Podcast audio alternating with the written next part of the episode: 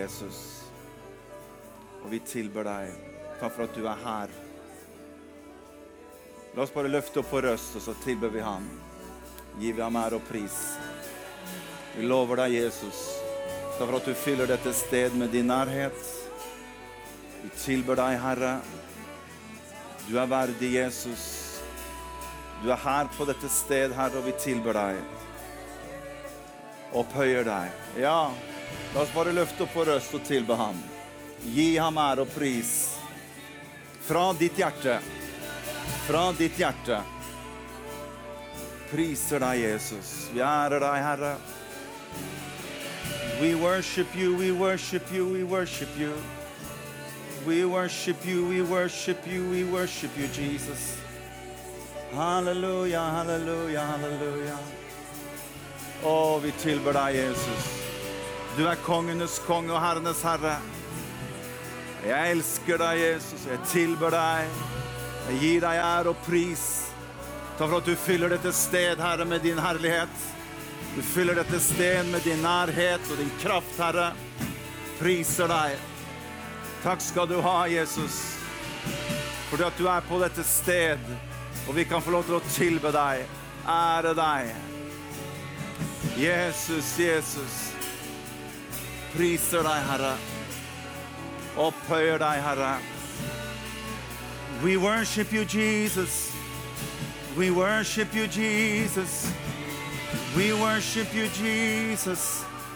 We worship you, Jesus. Halleluja, halleluja, halleluja, halleluja, halleluja. Hellig er ditt navn, Jesus. Du fortjener alt. Hellig er ditt navn. Hellig, hellig er ditt navn, Jesus. Du fortjener alt. Hellig er Vi synger det en gang til. Hellig er ditt navn. Hellig er ditt navn, Jesus. Du fortjener alt. Hellig er ditt Hellig er ditt navn. Hellig er ditt navn, Jesus. Du fortjener alt. Ja, du fortjener alt. Hellig er ditt navn. Hellig er ditt navn. Jesus. Fortjener alt. Du fortjener alt, Jesus. Vi synger det en gang til. Vi synger det en gang til. Hellig er ditt navn. Hellig er ditt navn, Jesus. Du fortjener alt. Du fortjener alt. Hellig er ditt navn. Takk, Jesus. Takk for at du rører ved menneskers hjerter akkurat nå, Herre. Jeg bare opplever Herrens taler i mitt hjerte at han lengter etter noe av sangen som du hadde i ditt hjerte fra før. Den lengter han tilbake til. Det var akkurat som om jeg fikk en sånn, et eller annet sånn hvisken i mitt hjerte at det er lenge siden jeg har hørt din stemme innenfor min trone, sier Herren. Det er lenge siden jeg har kjent at ditt hjerte har vendt seg mot meg, sier Herren. Før så delte vi fellesskap. Før så var vi så mye mer sammen. Men det har liksom blitt litt avstand mellom oss. Det har liksom blitt litt stille. Men jeg elsker deg, sier Herren. Og jeg lengter etter å dele fellesskap med deg. Ditt hjerte med mitt hjerte, sier Herren. Hvor du og jeg kan få lov til å komme sammen, og jeg på nytt igjen kan få lov til å fylle deg med min kjærlighet, med min kraft, med min godhet. Og vi får sammen kan dele fellesskap, du og jeg. Så kom inn i min nærhet på nytt, sier Herren. Akkurat sånn som du er. Jeg stiller aldri noe krav, men jeg ønsker deg bare velkommen inn i min nærhet. For å være den du er, Og du og jeg kan dele fellesskap. Takk, Jesus. Takk, Jesus, for at du er her. Takk, Jesus, for at du lengter etter fellesskap med oss i din nærhet. Priser deg. Du skjønner, Det er derfor Gud, det er derfor Gud troner over sin lovsang. Det er fordi at vi gir han oppmerksomhet. Det er for at vi setter han i fokus. Det er derfor han kommer med sin nærhet over sin lovpris, over lovprisning og tilbedelse. For det står at han troner på Israels lovsanger. står det. Hvorfor gjør han det? Jo, for det står at det er to eller tre samlet i mitt navn og begynner å opp, gi oppmerksomhet til han. I det så troner han med sin nærhet. Han, han kommer der mennesker gir han oppmerksomhet. Så når jeg gjør det i mitt liv, du gjør det i ditt liv, og vi kommer sammen og gjør det som kirke, så er det en fantastisk sterk, sterkt løfte knyttet til det, som gjør at han fyller det sted med sin herlighet og med sin kraft. Og Derfor så er han her. Kjenner du det? Kjenner du at han er her? Halleluja. Priser deg. Ta med deg det ordet fra Herren videre i livet ditt og inn i hverdagen. At han lengter etter å ha et dypere fellesskap med deg og meg. Amen. Dere kan få lov til å sitte ned. Takk til sanger og musikere som leder oss inn i Guds nærhet.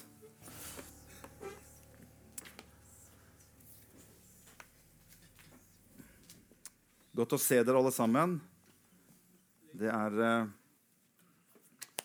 eh, vinterferie, og folk eh, reiser av gårde på, si, på det, ene, det, ene, og det andre. Men det er så godt å se at dere har tatt turen hit og deler fellesskap med, med oss. Har dere det bra? Veldig bra. Eh, jeg, er, jeg, er, jeg er gira. Jeg er gira. Jeg, jeg, jeg fikk lov til å være på både på Tentro på fredag og eh, på Puls, som er ungdomssamlingene våre, på fredag. Og jeg, jeg, jeg, liksom reiste hjem fra de to samlingene veldig sånn der Yes! Så bra! For en fantastisk hjem. Er det noen fra Puls og Tentro her? Er det det? Ja, se her, ja. Og jeg, jeg, jeg, dro derfra veldig, veldig uh, Ja, begeistra er sånn litt sånn merkelig ord, men uh, jeg var veldig begeistret. Ja. Kjente at jeg var begeistret i mitt indre. Uh, men du skjønner hva jeg mener. Jeg, uh, jeg var oppmuntra når jeg dro derfra. Og for en gjeng og for en fantastisk gjeng med ungdommer som, som, elsker Jesus, og som henger seg på, som er med i lovprisning og tilbedelse. Og vi opplevde også en sånn sterk atmosfære på, på samlingen på fredag. Og eh, jeg fikk også fortelle litt om hvordan jeg har opplevd dette med gudsnærvær i mitt eget liv fra jeg var liten gutt. Og prøver også å forklare ungdommen dette med at det som vi kjenner i rommet, det som er her, det kan du og jeg ha med oss inn i hverdagen og lære oss å kjenne dette nærværet. Det er ikke bare noe som vi opplever på puls. Det er ikke bare noe som du og jeg kan oppleve på en søndag men det er noe som jeg kan oppleve i min hverdag når jeg er aleine med Jesus. Og det er veldig viktig at jeg greier å lære meg det. For hvis ikke så blir det bare sånn ja, men sånn gudsnærvær, Det er bare noe jeg opplever på søndag. Nei. Det er et løfte som tilhører den troende. Det er at jeg skal være med deg alle dager. Ikke bare på søndager. Så Guds nærvær og Guds hva skal vi si, tilstedeværelse det er et løfte som tilhører meg som troende. Og Det handler ikke bare om at jeg skal overleve fra mandag til søndag igjen. Men det handler om at det nærværet er med meg. Når jeg står opp på mandagsmorgen, så kan jeg våkne opp og Det er ikke alle som kjenner det like fantastisk på mandagsmorgenen. Men kanskje det å si Hellige Ånd, takk for at du er her. Uansett åssen jeg føler meg, så er du her. Se nåde til meg på mandagsmorgenen, liksom. Men så har vi en bevissthet om at dette nærværet av Den hellige ånd det kan du og jeg ha med oss i hverdagen. Og det å lære ungdom å være bevisst dette i livet sitt, er så verdifullt. Og Hvis det er noe som har vært til styrke for mitt liv, så er jo det det som har med Guds nærvær å gjøre. Når det har fått lov til å prege mitt i sinn og tanker, i, i mitt, mitt, trosliv, så er det jo nettopp det at jeg har fått lov til å erfare at han er noe mer enn ikke bare ord, for Guds ord er viktig, men han er noe mer enn bare Guds ord i Bibelen. Han er et nærvær som er med meg i min hverdag. Og jeg kan opp oppleve han, jeg kan erfare han, jeg kan kjenne han. Jeg kan kjenne at han er med meg, han er rundt meg, han er i meg. Og som David sier, forfra og bakfra omgir du meg. Ja, på alle sider omgir du meg, sa David. Så han hadde lært seg å kjenne på at han er noe mer enn bare ord, men han omgir meg på alle sider. Og Det er det Jesus sier til disiplene før han drar. Han sier det er til gang for dere at jeg går bort, for hvis ikke så kommer ikke talsmannen. altså den hellige ånd. Men når han kommer, så skal han ikke bare være hos dere. Jeg er jo veldig glad for at han er i meg. Men Jesus sa to ting om Den hellige ånd. Han skal være i meg, og han skal være hos meg. Og det er det løftet om at han er med meg hver eneste dag, også med sitt nærvær. Og det er, jeg som greier å koble meg på det nærværet i min hverdag. Og kan du og jeg lære oss til å koble oss på det nærværet, så vil det være en fantastisk velsignelse for deg og meg i vårt eget trosliv. Amen. Nå er jeg snart ferdig med innledninga mi, så nå, nå, kan vi snart begynne å dele Guds ord her. Men dette er viktig. Så jeg var, jeg, jeg var veldig, jeg veldig begeistra når jeg dro fra Puls på, eh, på uh, fredag. Fantastisk bra. Dere, skal, eh, Er dere klar for å høre litt Guds ord? Du kan ikke begynne å ta på nedtelling enda, Du må legge på noen fem minutter til. for jeg har ikke begynt å preke enda, så jeg kan ikke ta den dyrebare tida mi. Ok, eh, Men vi skal gå inn i, uh, i Skriften. Vi skal dele litt. Vi er jo i en serie, eller i en, hva skal vi si, et fokus i uh, dette året her som kalles for Jesus hele livet. Og som jeg opplever i mitt hjerte at er noe som treffer oss inn i livene våre, inn i hverdagen vår. Fordi at vi ser at mennesker opp igjennom årene hva skal vi si, når, eh, når man vokser til og man har vært sammen med Jesus så mange år, så ser vi dessverre at en del mennesker faller fra troen sin og etter hvert ikke bekjenner seg lenger som en troende eller en som tror på Jesus. Og jeg syns det er veldig trist. Jeg synes Det er vondt å lese jeg synes det er vondt å høre om mennesker som en gang har levd nær til Gud, som noen år senere sier at 'nå tror jeg ikke lenger på Gud'. Det gjør vondt. Og det er noe av det som har vært fokuset vårt og skal være fokuset vårt i dette året. her. Hvordan kan du og jeg bygge noe i livene våre som varer hele livet? Vi tror på en tro som kan bære oss gjennom hele livet. I gode dager og i dårlige dager. I tider hvor det går bra, og i tider hvor vi møter utfordringer, så er det en tro, en klippe som vi kan bygge livene våre på, som ikke vakler. Som ikke slår sprekker, men som bærer oss igjennom hele livet. Og Det er det som er fokus rundt det som vi, eh, som vi skal dele. Så hver, jeg tror den eneste, hver tale jeg kommer til å ha det året, her, kommer til å være i samme serie. Dette kommer til å være den lengste serien jeg har hatt noen gang. Den kommer til å være ikke bare tre uker, den kommer til å være et helt år. Liksom del 52 i serien 'Jesus hele livet'. For vi tror på Jesus hele livet. Så Forrige gang når jeg delte en gang, så tok vi litt dette med å zoome litt ut for å se et større bilde av hva det egentlig livet dreier seg om. For at du og jeg vi kan være så detaljfokusert at hvis ikke ting bare matcher inni den lille detaljen vår, så tror vi ikke det fins noen Gud lenger. Men noen ganger så må vi zoome litt ut for å se litt mer helhet. Og da snakket vi om at Når jeg er inne på Google Maps og jeg, jeg greier ikke helt å finne hvor jeg er, så er løsningen ikke å zoome enda tettere innpå, men å zoome litt ut. For det er da du kan begynne å se perspektiv. Det er da du kan begynne å se hvor er jeg i forhold til kartet. Og Noen ganger trenger vi å gjøre det i forhold til gudslivet vårt også. Hva dreier det seg om i stort? Om jeg skal ha rød skjorte på meg eller blå skjorte på meg. Nå har jeg tatt både rød og blå, så jeg har helgardert meg akkurat i dag. Jeg sånn på, ok, den var rød og blå. Så jeg tenkte, ikke, jeg tenkte ikke å spørre Gud engang hva vil du Vil du at jeg skal ha rød eller blå skjorte på meg i dag. Det er jo håpløst at Gud skal på en måte være så detaljert inn i livene våre at jeg blir sånn usikker på om Gud fins. Han svarte meg ikke! Jeg fikk jo ikke vite om jeg skulle ha rød eller blå skjorte på meg. Ja, men Da blir vi veldig detaljfokusert. Jeg er ikke så sikker på om Gud er veldig interessert om du har på deg rød eller blå skjorte. Det er andre ting i livet våre han er mye mer interessert i å være en del av enn akkurat rød eller blå skjorte. La oss zoome litt ut og se litt i større perspektiv. Amen. Så Vi hadde tre punkter forrige gang. Første punktet det er at Gud elsket deg først.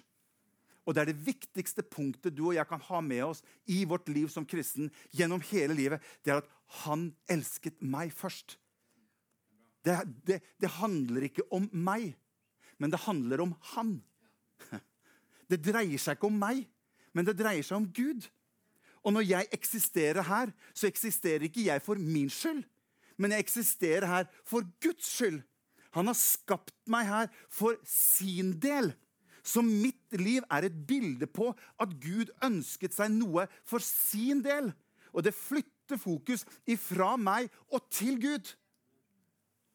Og det andre punktet vi hadde, det er at min tro på Jesus er vertikal og ikke horisontal. Husker du vi snakket om det? At jeg har et vertikalt forhold til Gud, ikke horisontalt. For vi har veldig lett for å plassere Jesus i sånn horisontal hva skal vi si, måte å tenke Jesus på. Skjønner, ja, Nå har du prøvd det ene, og du har prøvd det andre, og du har søkt her, og du har søkt der, men nå kan du komme og søke Jesus. Så et horisontalt bilde blir det vi måler Jesus ut ifra. Men det dreier seg ikke om et horisontalt bilde, det dreier seg om en vertikal. For at han har skapt meg for sin ære. Jeg er skapt her for han, så mitt forhold til han er vertikalt. Så kan det horisontale være akkurat som det vil. Dette bygger på noe annet enn en horisontal følelse. Det bygger på at han har skapt meg for sin del. Og sist, men ikke minst jeg følger Jesus, ikke motsatt. Det er mange kristne som går rundt og tror at Jesus følger meg. Jeg, skjønner, jeg går rundt jeg vet, og så følger jeg. Ja, men Jesus, må du komme her, da? Ja, for nå skal vi hit. Nei, det er ikke Jesus som følger meg. Jeg følger Jesus. Han sa, 'Følg meg', og så skal jeg gjøre deg til noe. Og Det er veldig viktig at vi har det, vi si, den forståelsen av at jeg har valgt å følge Jesus, og ikke motsatt. Det blir veldig frustrasjon hvis han går den veien og jeg går den veien, og så trodde jeg faktisk at jeg hadde med meg Jesus. Henger du med? Bra. Da skal vi gå inn. Nå kan du sette på klokka. Fint. Vi har bare én gudstjeneste, men den begynner ikke før klokken ett, så vi har egentlig god tid. altså. Eh, jeg har, jeg har, lyst til å dele noe med dere i, i formiddag. Fordi at Når vi snakker om dette med Jesus selv i livet, så er det umulig å snakke om dette uten å komme inn på dette som har med, med tro å gjøre. Det er helt umulig. Men før vi, går inn, før vi går inn på den som har den åndelige delen av det med tro, så ser vi i dag at det er en utrolig kamp rundt dette med hva vi tror. Se bare rundt omkring på jorden i dag hva man tror ut ifra hva man hører er så mye usikkerhet. Så tro hva du tror, er utrolig basert på hva du hører, hva du velger å høre, og hva du velger å tro i etterkant av hva du har hørt eller hva du har lest. Se bare på den pandemien vi har hatt. Hvor mye, hvor mye konflikt har ikke hva jeg tror, i forhold til pandemien skapt? Altså, Det splitter jo opp familier, det splitter jo opp regjeringer eller nasjoner. Altså, hva du tror, ikke bare i den åndelige delen, men i den fysiske delen, er så forskjellig. Så det å tro det er vanskelig å komme unna generelt sett. For vi er veldig avhengig, og vi er veldig hva skal vi si, nødvend, nødt til å ha det aspektet av tro i våre liv. Så hva man tror, er utrolig forskjellige. Men jeg skal gjøre det veldig enkelt i dag. Så du må, du må få med dette budskapet. Vi skal gå inn i teksten. For Jeg har lyst til å ta utgangspunkt i verdens mest kjente bibelvers. Er det noen som vet hva det er? Ja, Johannes 3, 16. Vi skal lese Johannes 3, 16, og så skal vi ta utgangspunkt i det. Fordi at Det som jeg har kalt, det som jeg skal dele med noen, noen minutter, det er kampen om troen kampen om tronen. Vi skal ta utgangspunkt i Johannes 3, 16. Og jeg synes bare Det er ganske utrolig vågalt å ta utgangspunkt i en så kjent tekst som Johannes 3, 16. Men jeg har lyst til å dele noen ting som står her. Vi skal lese sammen. Fra vers 16 der står det For så høyt har Gud elsket verden, at han ga sin sønn den enbårne, for at hver den som tror på han, ikke skal gå fortapt, men er evig liv. Gud sendte ikke sin sønn til verden for å dømme verden, men for at verden skulle bli frelst ved han. Og så kommer det noe som er litt viktig, som jeg vil at du skal legge merke til. Det står at den som tror på han, blir ikke dømt. Den som ikke tror, er allerede dømt fordi han ikke har trodd på Guds enbårne sønn. Skal lese det en gang til. Den som tror på han, blir ikke dømt. Den som ikke tror, er allerede dømt fordi han ikke har trodd på Guds enbårne sønn. Så det er ikke fordi jeg har gjort masse galt. Nei, det er fordi jeg ikke har trodd at dommen slår inn. Ser du det? Så dommen mot meg, det er ikke opp imot handlingene mine, men troen. Jeg blir ikke dømt fordi jeg trodde. Jeg blir dømt pga. troen min og ikke troen min. Handlinger her er ikke inne i bildet her i det hele tatt. Hvorfor det? Fordi at Gud vet at jeg ikke greier å forandre mitt liv eller mine handlinger før jeg forandrer mitt trosperspektiv. Handlingene mine springer ut ifra min tro. Handlingene mine reflekterer hva jeg tror på. Derfor er Bibelen klinkende klar på at det essensielle i ditt og mitt liv er troen og ikke handlingene. Jeg blir ikke dømt etter handlingene mine, men jeg blir dømt ut ifra troen min. Og så står det videre, og dette er dommen. Lyset er kommet til verden, men menneskene elsket mørket høyere enn lyset, fordi deres gjerninger er onde. For den som gjør det onde, hater lyset og kommer ikke til lyset, for at hans gjerninger ikke skal bli avslørt. Men den som følger, eller du kan også oversette med den som lever ved sannheten, kommer til lyset, så det skal bli klart at hans gjerninger er gjort i Gud. Så her ser du hvordan gjerningene kommer inn etter troen. Og Bibelen er så klar i sin definisjon av hva som er det sentrale i vårt liv som en kristen, og det er troen. Ikke noe annet. Det er ikke at jeg betaler tiende, eller at jeg synger i et lovsangskor, eller at jeg er en life-leder eller søndagsskoleleder, eller at jeg går i kirke på søndager. Det er ikke det jeg blir dømt på. Men jeg blir dømt i forhold til troen min. Det er utgangspunktet. Det er det sentrale. Hva skal jeg si? Det er selve porten inn til alt annet i den kristnes liv. Og nå, husk, nå, nå zoomer vi ut for å se det litt fra et større perspektiv. For jeg tror Noen ganger så har vi i kristen sammenheng vi har vært veldig opptatt av handlinger. Du må gjøre sånn og sånn, og du må være slik og slik. For hvis ikke det, så er det noe galt. Og så har vi nesten lagt større vekt på det enn kanskje hvordan det står til med troen i den enkeltes liv. Men Gud har gjort det på en slik måte. Han har lagt det helt rettferdig. kommer tilbake til det. Han har lagt det på et nivå som er likt for alle mennesker.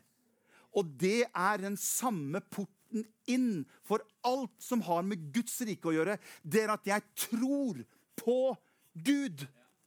Og den som tror på Gud, blir ikke fordømt. Der starter det for alle mennesker. For deg og for meg. Du vet at Vi går, på, vi går jo på skole, noen av oss. Og Celine, som er eh, niesa mi, hun går også på HLT. Vi, vi, lærer oss litt mer hva som står i Bibelen. Og, det er veldig, veldig, og, og nå har vi hatt sånn eh, kirkehistorie. Eller hadde det i fjor. Og da lærte vi noe om gnostisismen. Husker du det, Celine? Har du lært, har du lært om gnostisismen? Ja, må du sjekke. Hun nikker jo sånn. Kunne ikke gjøre noe annet. Det blir feil, vet du. Men da lærte vi om gnostisismen. Og gnostisismen var et utrolig stort si, utfordring for kirkefedrene i begynnelsen, rett etter apostelens tid. For gnostisismen den gjorde slik, og den hadde noen elementer av datidens store filosofiske retninger som gikk. Og gnostisisme, gnostisk, det betyr jo egentlig kunnskap eller lære. Og gnostisismen den var slik at man trodde at ved den riktige og rette kunnskap til et visst nivå, så ville det føre mennesket til frelse. Så kunnskapen på en måte kom i et veldig sterkt nivå. Og det gjorde at kirkefedrene måtte gå veldig hardt ut mot disse tingene og prøve å forklare det at det er ikke kunnskapen min som frelser meg, men det er troen på Jesus Kristus som frelser mennesket. Amen? Henger du med på det? Og det er av det som jeg ønsker å si, få, få, få fram til. Det er at Gud er rettferdig i måte du og jeg skal leve kristenlivet vårt på. For Hvis det var slik at kunnskapen var nøkkelen, da ville det være slik at som er, de som er mest intellektuelle, og de som husker mest og de som forstår mest, det er jo de da som skjønner og forstår og kan bli frelst. Det ville jo vært urettferdig hvis Gud la det på det nivået at det er de som kan mest, som har størst mulighet for å komme inn til frelse. Derfor så måtte Gud legge dette på et helt rettferdig nivå. Og Derfor så sier han at jeg gir alle mennesker troens gave inn i hvert eneste menneske. Og det er adgangskortet. Det er porten inn i Guds rike, og ikke noe annet. Amen. Så Gud har lagt dette på et helt rettferdig nivå for alle troen. Men hør, nå skal vi gå litt videre her. Henger du med? For her står kampen i mitt liv som kristen så får jeg et angrep, og du vil få et angrep i ditt liv. Det er at den onde angriper meg i mitt trosliv. Den onde vil alltid prøve å angripe deg og meg i mitt trosperspektiv. Hvordan da? Jo, han angriper deg og meg i mitt sinn. For den onde vet at det er ut ifra mitt sinn at jeg tjener i Guds rike. Vet du hva Paulus han sier noe fantastisk i Romerne 7 og vers 25? Paulus han sier at 'jeg tjener Guds lov med mitt sinn'. Hvorfor står det? Hvorfor sier Paulus det at 'jeg tjener Guds lov med mitt sinn'? Jo, fordi at sinnet mitt og tankene mine det er de som er med på å forvalte hva skal vi si, troen som ligger i mitt hjerte. Derfor så vil den onde alltid prøve å påvirke og attakkere ditt og mitt sinn, dine og mine tanker, for å få det i ubalanse imellom hva Guds ord sier, og hva han prøver å få deg og meg til å tenke og tro. Derfor så vil den store kampen i ditt og mitt liv den vil foregå her inne. Noen av oss tenker at den store kampen foregår på utsiden av oss selv. Nei, den største kampen i ditt og mitt liv som kristen, den vil være her. I ditt og mitt sinn. Og Paulus sier jeg tjener Guds lov med mitt sinn. Så når noen kommer og sier at den onde kommer bare for å stjele og myrde og ødelegge, så er det ikke sånn at han kommer for å stjele huset ditt. liksom. Eller den onde kommer for å stjele bilen din. Hva skal, hva skal djevelen med bilen din, liksom? Hva er det han ønsker å gjøre? Han ønsker å stjele om yrde ødelegge her inne. Det er her kampen står. I ditt og mitt liv som en trone. Han angriper sinnet mitt, han angriper tankene mine for å gjøre meg bekymret, for å gjøre meg redd, for å gjøre meg usikker, for å gjøre meg fryktsom, for å gjøre meg tvilende. Hvor går den kampen? Jo, den treffer her. Det er der han attakkerer deg og meg. Han vil inn i mitt sinn. Og Den onde har fra dag én ønsket å sette din og min tro ut av balanse. Og jeg har skrevet noe her. Selve roten og dette vil jeg at du skal få med deg, selve roten i fallet i Edens hage er jo ut ifra vantro. Har du tenkt på det noen gang? Hva er det den onde kommer og sier til Adam og Eva? Sier han, Har Gud virkelig sagt. Hva er det for noe? Det er å sette troen til deg og meg ut av spill. Den onde var ikke ute etter å prøve å jage Adam og Eva ut av Edens hage. Hva er det han gjør for noe? Han attakkerer sinnet til Adam og Eva ved å skape vantro i deres sinn. Ved å si 'Har Gud virkelig sagt?' Og når de begynte å vakle, og det fallet kom, ja, så var resultatet av det det var at de var ute av det Gud hadde for Adam og Eva. Og det gjelder ikke bare frelse, men det gjelder generelt i livet vårt så ønsker den onde å attakkere ditt og mitt sinn. For han vet at hvis jeg får attakkert ditt og mitt sinn, så kan jeg få deg ut av det som Gud har for deg og meg i våre liv. Det er derfor denne kampen om troen er så viktig i ditt og mitt sinn, og for å bevare troen i vårt sinn og i våre tanker. Amen. Se hva som står i Filipperne kapittel 4 og vers 4-7. Der står det noe fantastisk. Paulus skriver, 'Gled dere alltid i Herren'. Igjen vil jeg si, gled dere. La alle mennesker få merke at dere er vennlige. Det er ikke noe problem, er det det? Ja, kanskje av og til. Ikke når jeg sa på, på Puls på fredag. Ikke når jeg kjører inn på parkeringshuset på, på Storsenteret. Da, da er jeg i faresonen. Det er noen her som kjenner seg igjen. Ikke sant? Ja da. Da, da må jeg be, kjære Jesus, bevar mitt hjerte og sinn og tanker, og, så jeg finner parkeringsplass og ikke blir så sinna. Okay. Der står det 'Gled dere alltid Herren'. Igjen vil jeg si, gled dere. La alle mennesker få merke at dere er vennlige. Herren er nær. Og så sier han, 'Vær ikke bekymret for noe'. Vær ikke bekymret for noe. Hvor lett er det? Men sier, Vær ikke bekymret for noe. Men legg alt dere har på hjertet fremfor Gud. Be og kall på ham med takk. Og så står det Og Guds fred, som overgår all forstand, skal bevare deres hjerter og deres tanker i Kristus Jesus. Derfor er hvordan du og jeg tenker, så utrolig viktig.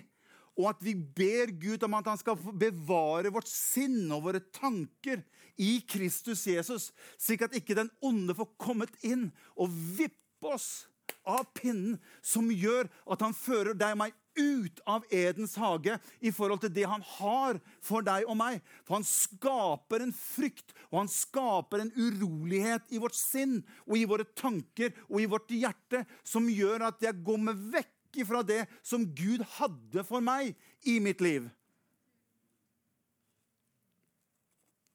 Så måten, hør, Derfor er det så viktig at du og jeg beskytter våre tanker og vårt sinn.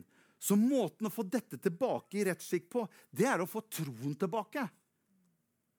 Tilbake til hva er det Gud har sagt. Så hør, så uansett hvor viktig kunnskap er Jeg elsker kunnskap. Kunnskap er fantastisk, og kunnskap er bra, og vi skal tilegne oss så mye kunnskap som vi kan.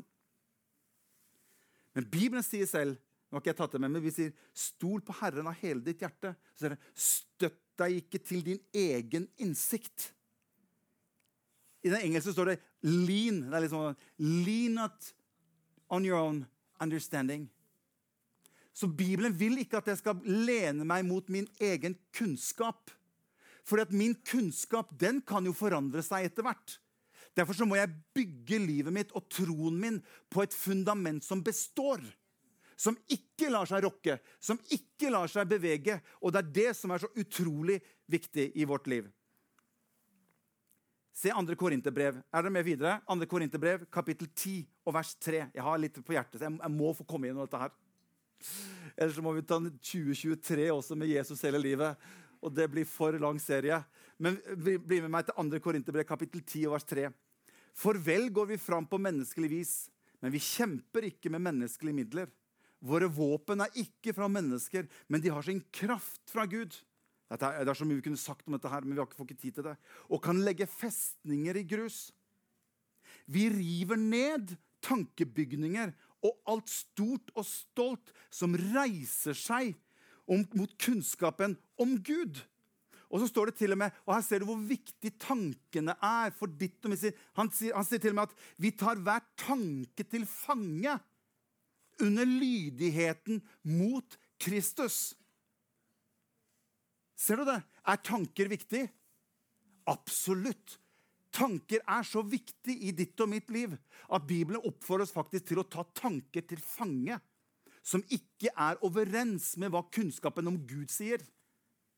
Så viktig, og du og lett du og jeg har for å la tanker komme inn og spille oss hva skal vi si, ut av balanse i livene våre. Og hør, Vi kan gå gjennom ting og vi kan gå gjennom faser i livet hvor dette er mer eller mindre utfordrende i livet vårt. Men sannheten er likevel den at Bibelen har gitt oss en mulighet til at når jeg merker at det kommer noen tanker i mitt sinn og, og i mitt liv som ikke opplever er fra Guds sin side, så kan jeg faktisk ta de tankene og si at jeg velger å ikke ta den tanken til meg. For i min bibel så står det det. Det står noe annet. Og på den måten så, så, så, så bevarer jeg mitt hjerte og min tro. For jeg velger bort det som ønsker å føre meg vekk ifra det Gud har i livet mitt. Fantastisk. Oi, oi, oi. My hope is built on nothing less than Jesus' blood and righteousness. I dare not trust the sweetest frame, but wholly trust in Jesus' name.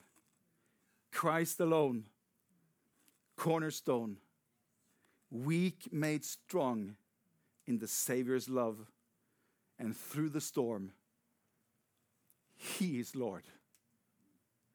Lord of all. Det fins en klippe som du og jeg kan bygge på. Det fins en tro gitt til deg og meg som har overvunnet dødens makt. Og den troen og den klippen kan jeg få lov til å oppleve, og erfare og stå på og bygge på. Og den bærer meg gjennom hele livet. Men det er jeg og du som noen ganger er nødt til å ta tak i. For det er ikke alltid at bare Gud kommer inn og vrir og snur og vender og flytter om på tingene i ditt og mitt hjerte og i ditt og mitt sinn. Nei, du og jeg, vi må selv gjøre noe av disse tingene. For at Gud er ingen som tvinger seg på, men han har gitt en mulighet for deg og meg å forvalte disse tingene i vårt eget liv. Siste jeg skal dele med dere nå. Dere har vært fantastiske. Veldig bra. Siste jeg skal dele med dere, nest siste, tror jeg kanskje. Det står i Romerne 12,3. Jeg har lyst til, å, vise dere litt mer. Jeg sa, kjære Jesus, du må hjelpe meg å dele dette her. For jeg vil at du skal få med dere noen For disse tingene her er så viktige. Og det berører oss i vår hverdag, i livene våre. Se hva Paulus skriver i Romerbrevet kapittel 12. Han skriver noe veldig rart.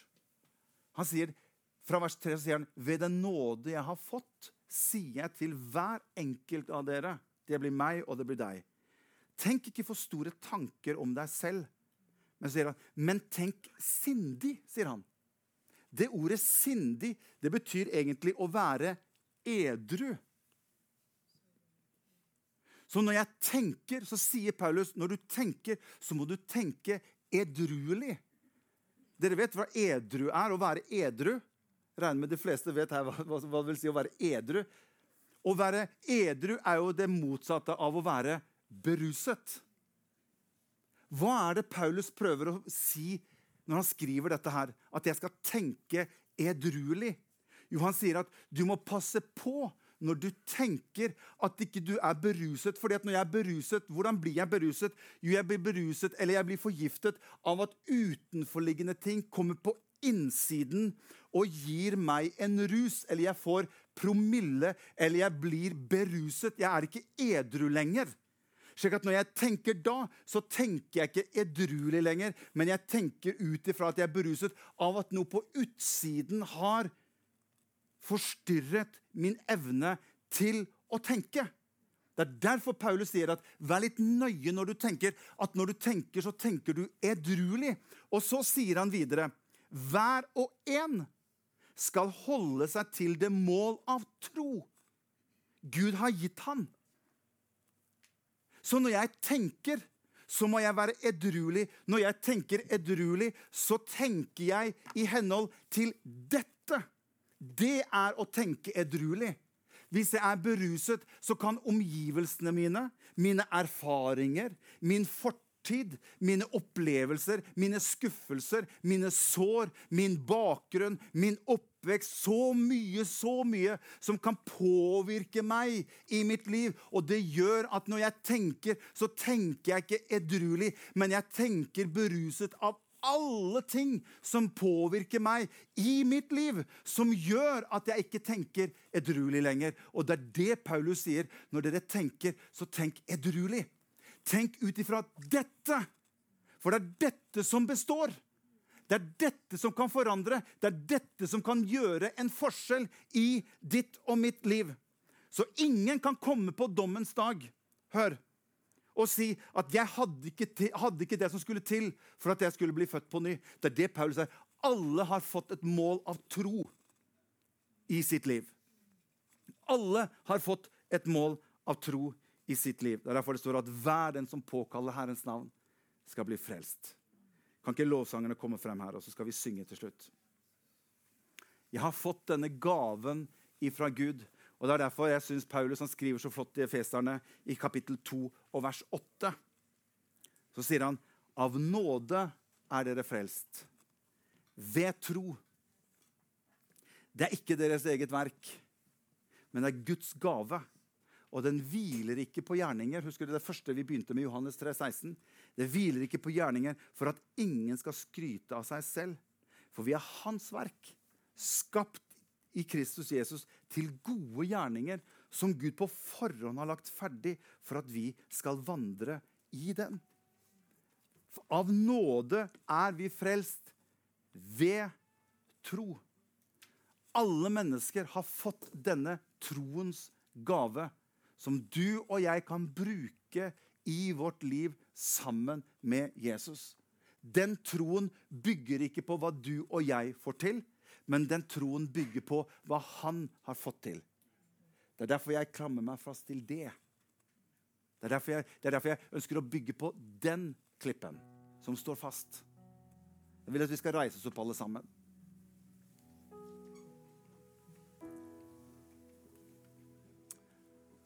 Halleluja.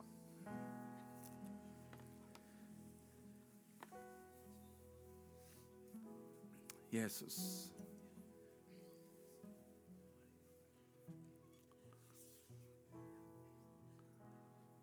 Priser deg, Herre. Takk for at du er her. Takk for at du er her.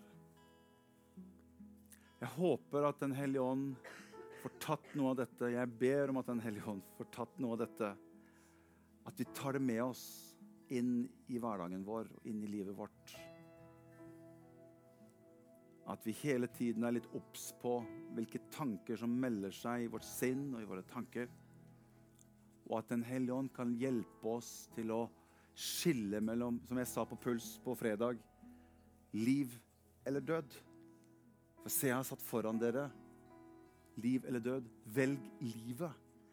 Velg det som har med Gud å gjøre. Velg de tankene som er overensstemmelse med Guds ord, for det er de som er sannhet. Den, den, den, onde vil aldri komme med sannheten til deg. Han vil bare prøve å forstyrre den sannheten som ligger her. Han ønsker å gjøre deg og meg tvilende og vantro i forhold til hva som står her. Har Gud virkelig sagt? Har Gud virkelig sagt? Ja, Men du har jo ikke opplevd det i ditt liv, du. Er du sikker på at Gud har sagt det? Ja, men Du sliter jo med det og det. Er du sikker på at det er sånn det fungerer? Så greier den ånde å skape tvil i livene våre. Far, jeg takker deg for hver eneste en som er her. Takker deg for at du har gitt oss denne gava av tro, Herre. Jeg ber deg om at du skal hjelpe oss til at vi kan få lov til å være med å bygge livene våre på en klippe som står fast som ikke vakler hit og dit. For du står fast, Herre, og ditt ord det står fast, Herre, til evig tid. Hjelp mennesket, Herre, som sliter i sin tanke og sitt sinn. At du skal bevare våre tanker og vårt hjerte i Kristus Jesus. Jeg takker deg for det, Jesus. I Jesu navn. Amen. Før vi, før vi, før vi spiller, så har jeg lyst til å bare alle sammen Kan vi ikke lukke våre øyne litt sammen? Alle sammen lukker sine øyne. Halleluja. Bare mens vi alle har øynene våre lukket, så har jeg bare lyst til å spørre Hvis du kjenner at dette er utfordrende for meg, dette opplever jeg er til tider vanskelig for meg, og jeg har lett for at sinn og tankene mine bare stikker av gårde med meg, og jeg vet så godt at ikke det er sånn det skal være, men tankene mine bare drar av gårde med meg i feil retning. Hvis du er her og du kjenner at Kan ikke du be for meg? Kan ikke du bare løfte opp en hånd så jeg ser den, så kan du ta den ned igjen. Gud velsigne deg. Gud velsigne deg. Gud velsigne deg. Gud velsigne deg. Gud velsigne deg. Gud velsigne deg. Er det flere? Gud velsigne deg. Gud velsigne deg. Det fins noe som også er et løfte for deg. Det er at han har, han har makt til å bevare ditt hjerte og dine tanker i Jesus Kristus. Så far, jeg ber deg for hver eneste en som har rukket opp hånden. La oss alle være med å løfte de opp. Skal vi gjøre det sammen? Jeg ber deg for hver eneste en som opplever at dette er utfordrende og vanskelig noen ganger. At tankene bare stikker av gårde. Jeg ber om at din fred, Herre Kom, Hellige Ånd, med din fred akkurat nå. Hellige Ånd, la din fred, som overgår all forstand, bevare ethvert hjerte og ethvert tanke, og gi det fred i Kristus Jesus. Jeg ber om at tvilstanker, jeg ber om at tanker til uro, jeg ber om at det skal være fjernt og langt borte fra deg i Jesu av Nasarets navn. Og jeg ber at Guds fred skal komme over deg. Og du skal få til å kjenne hvordan Guds fred tar tak i ditt sinn og i dine tanker. Når disse tankene melder seg, så er det lov til å si, 'Jesus, kom og vær hos meg.' 'Jesus, vær meg nær.' Så skal du få lov til å oppleve at den onde han skal fly fra deg. Han skal fly fra ditt sinn, og han skal fly fra dine tanker. For det fins en kraft som er sterkere. Jeg ber om det, Jesus. I Jesu av Nasarets navn. Vi ber litt. Jesus er her. Vi bare holder den her litt til. Jesus virker på mennesket her akkurat nå. Halleluja. Halleluja. Jeg har ikke tanker til uro, men jeg har tanker til fred. Jeg har fredstanker for deg, sier Herren. Fredstanker for deg. Halleluja. Halleluja. Halleluja. Takk for din fred, Jesus. Takk for din fred, Jesus. Takk for din fred som er her. Takk for din fred som er her. Og bare ta imot Guds ånd er her, Guds fred er her. Han rører ved ditt hjerte, han rører ved din sjel, han rører ved ditt sinn, og han rører ved dine tanker. Du skal få lov til å kjenne det, at hans fred, hans fred kommer inn. Halleluja. Priser deg, Jesus. Vi lover deg, Herre. Halleluja. Halleluja. Vi synger litt sammen her. Skal vi gjøre det? I Jesu navn.